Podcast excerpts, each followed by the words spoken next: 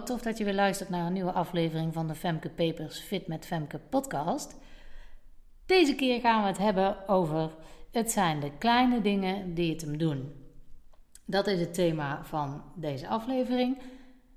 Waarom is dat het thema van deze aflevering? Omdat dat, en dat is vaker zo dat ik op die manier op een onderwerp kom, omdat ik met een aantal klanten van mij gesprekken heb gevoerd waarbij dat wel naar voren is gekomen. Maar voordat ik daar aan toe kom, wil ik eerst met jullie hebben over een hoogtepunt van mij. En dat heeft ook te maken met uh, de kleine dingen die het hem doen. Ik ben uh, wederom een weekendje weg geweest. Een tijdje geleden was dat ook al zo. En degene met wie ik daar was, was sowieso erg uh, prettig gezelschap. Maar die had gezorgd dat er een bosje tulpen in het huisje stonden waar we waren. En uh, nou ben ik zelf niet iemand die altijd bloemen in huis heeft. Maar het bosje tulpen heb ik mee naar huis mogen nemen. En dat staat nu bij mij op tafel. En elke keer als ik het zie, denk ik toch: oh ja, wat gezellig. En dan krijg ik dan toch een prettig gevoel bij. Dus dat is, dat is een heel klein dingetje. Kost helemaal niet zoveel moeite. Het staat er en het geeft gewoon een goed gevoel. Elke keer als ik dat zie. En als het op mijn eettafel staat, ja, dan zie ik dat natuurlijk nogal regelmatig, want die staat gewoon midden in de woonkamer. Dus dat is gewoon heel prettig um, om te merken. Nu denk ik dat als er altijd een bosje bloemen staat, dat je er misschien aan gewend raakt. Dat zou kunnen. Maar bij mij is dat niet het geval. En ja, je zou natuurlijk af kunnen wisselen met bloemen. Maar goed, dit is een klein dingetje uh, wat toch wel positieve invloed heeft. En dat is gewoon. Uh, ja, erg prettig om te merken. En ook mede daardoor, dus niet alleen omdat het ook bij mijn klanten te sprake kwam, maar mede daardoor uh, is het ook wel iets waarvan ik dacht: het is goed om daar eens over te hebben.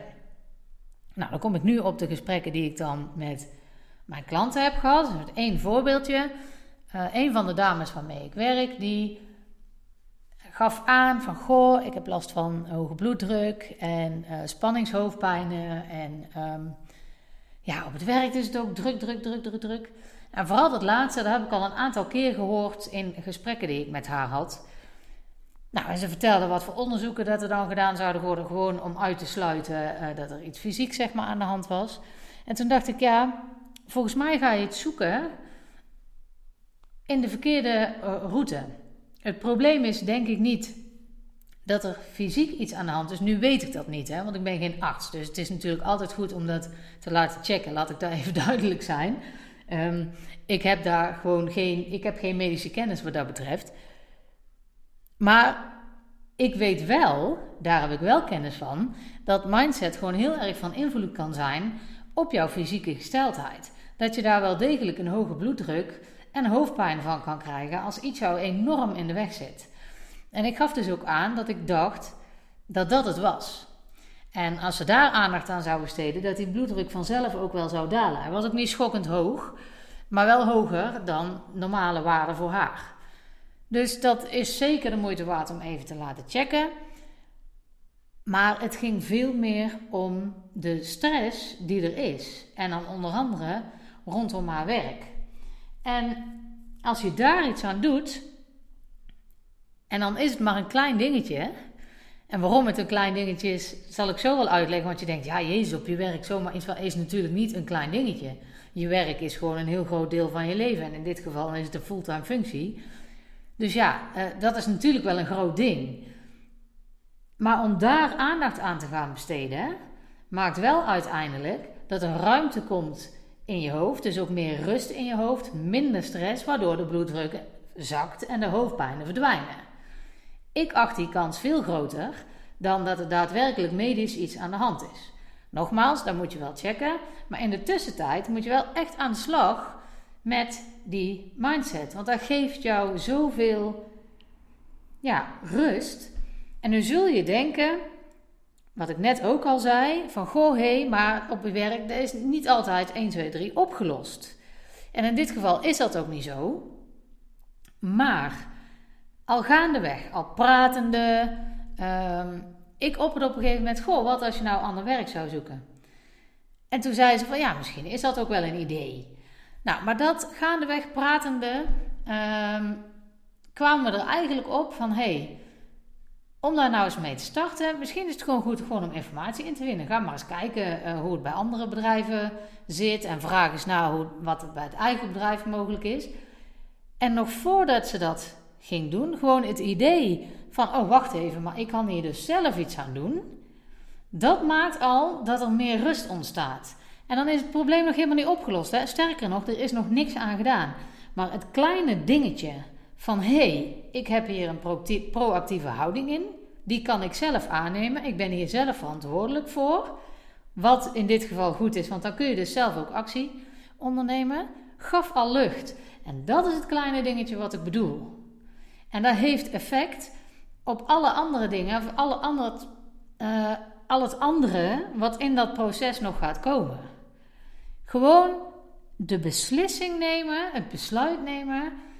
Uh, nee, de beslissing nemen en uh, besluiten. Ik weet even niet meer heel scherp het verschil tussen een besluit. Nee, iets beslissen en een besluit. Nemen. Nou, whatever. Doet er ook niet toe. Maar gewoon het feit dat je dus al bedenkt: hé, hey, wacht even, dat kan ik eigenlijk wel doen. Komt er weer proactief. Anders blijf je passief in oh, ik heb hoofdpijn en hoge bloeddruk en we moeten daar maar eens naar laten kijken. Maar het werkelijke probleem, waardoor de stress heel erg vooraan ligt, vooraan ligt dat wordt dan niet aangepakt. Dus ja, als je hoge bloeddruk hebt, ga alsjeblieft naar de dokter en laat het alsjeblieft bekijken. Maar denk ook even na, hé, hey, misschien kan ik hier iets met de mindset meedoen. En gewoon door proactief te zijn en te denken, hé, hey, ik kan al een heel klein stapje gaan zetten. Gewoon de beslissing alleen al, het besluit alleen al, maakt dat het al meer rust geeft. En dat bedoel ik met de kleine dingen die het hem doen.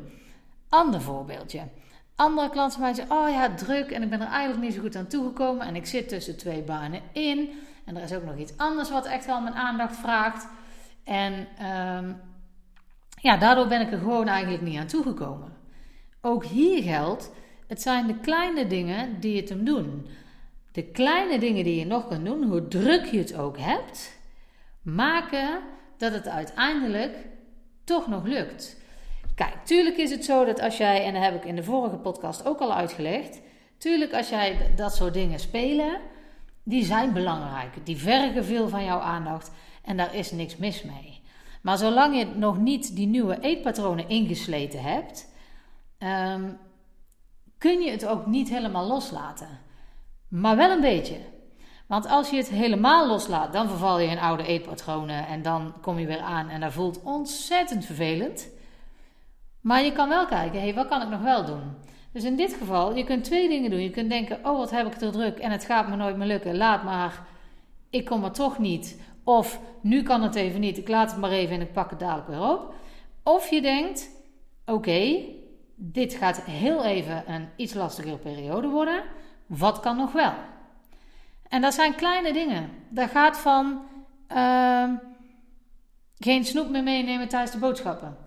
Eén klein dingetje op één klein momentje, maar heeft wel veel gevolgen. Want op het moment dat jij het dan druk hebt, kun jij niet in de snoepkast duiken.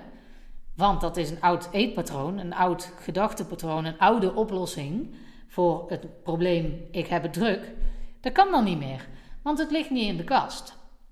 Dus kleine dingen, het zijn de kleine dingen die het hem doen. Als jij 30 kilo wil gaan afvallen, dan moet je niet meteen je hele eetpatroon om gaan gooien.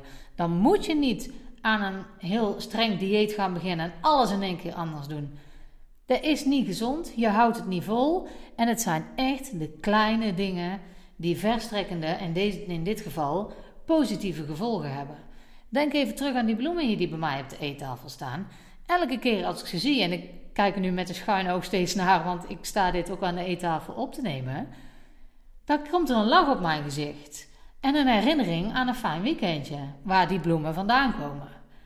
Nou, dat is een klein dingetje, maar door de dag heen, als je dan zo de hele dag thuis bent, thuis aan het werk bent, geeft dat wel een goed gevoel. Als jij geen snoep in huis hebt en je hebt het gewoon heel druk in je hoofd met van alles en nog wat, en je duikt in die kast omdat dat nog een automatisme is wat je nog niet hebt afgeleerd, waar je nog geen andere gewoonte tegenover hebt gesteld, dan zie jij een lege kast.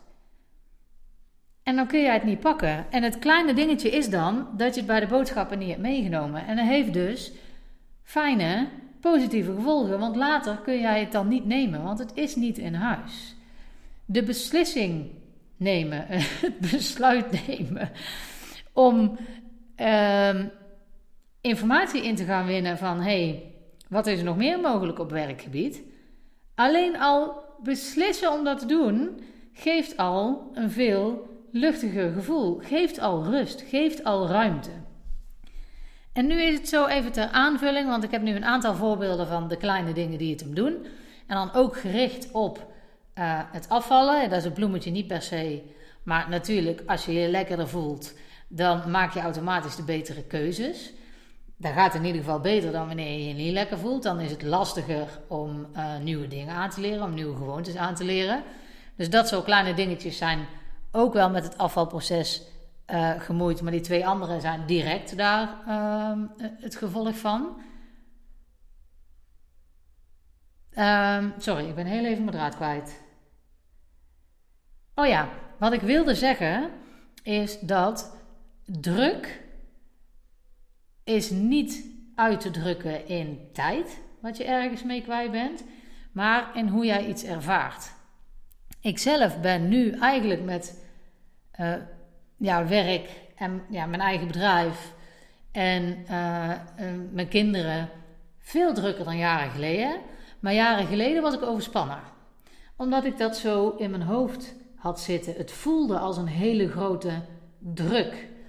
Nu werk ik eigenlijk veel meer, maar is het veel beter verdeeld en voel ik het als veel minder werk, terwijl het eigenlijk meer werk is. Maar het is dus maar net hoe je het ervaart. En hoe je het ervaart bepaalt ook de keuzes die je maakt. Dus als jij het druk hebt, check dan eens: heb ik het echt wel zo druk? En waarom ervaar ik dit als druk? Wat maakt dat ik hier last van heb? Want als je het echt druk hebt, heb je er meestal last van. We zeggen wel eens lekker druk. Dan is het prima, dan ben je in een soort flow. Maar meestal als we zeggen ik heb het druk, bedoelen we eigenlijk ja, ik heb te weinig tijd voor mezelf. Ga daar eens naar kijken dan. En ook daar gaat het weer om de kleine dingen. Het is niet zo dat je je hele leven helemaal drastisch om moet gooien om meer rust te ervaren. Dat kan zomaar betekenen dat je 10 minuten even in een tijdschrift voor jezelf gaat zitten lezen op een dag. Of dat je een wandelingetje maakt, ook al heb je er eigenlijk geen zin in. Maar het levert wel energie op. Het zijn de kleine dingen die het hem doen. Ja? Nou, ik hoop dat je hier iets mee kan. En ik hoop dat het goed met je gaat. Tot de volgende.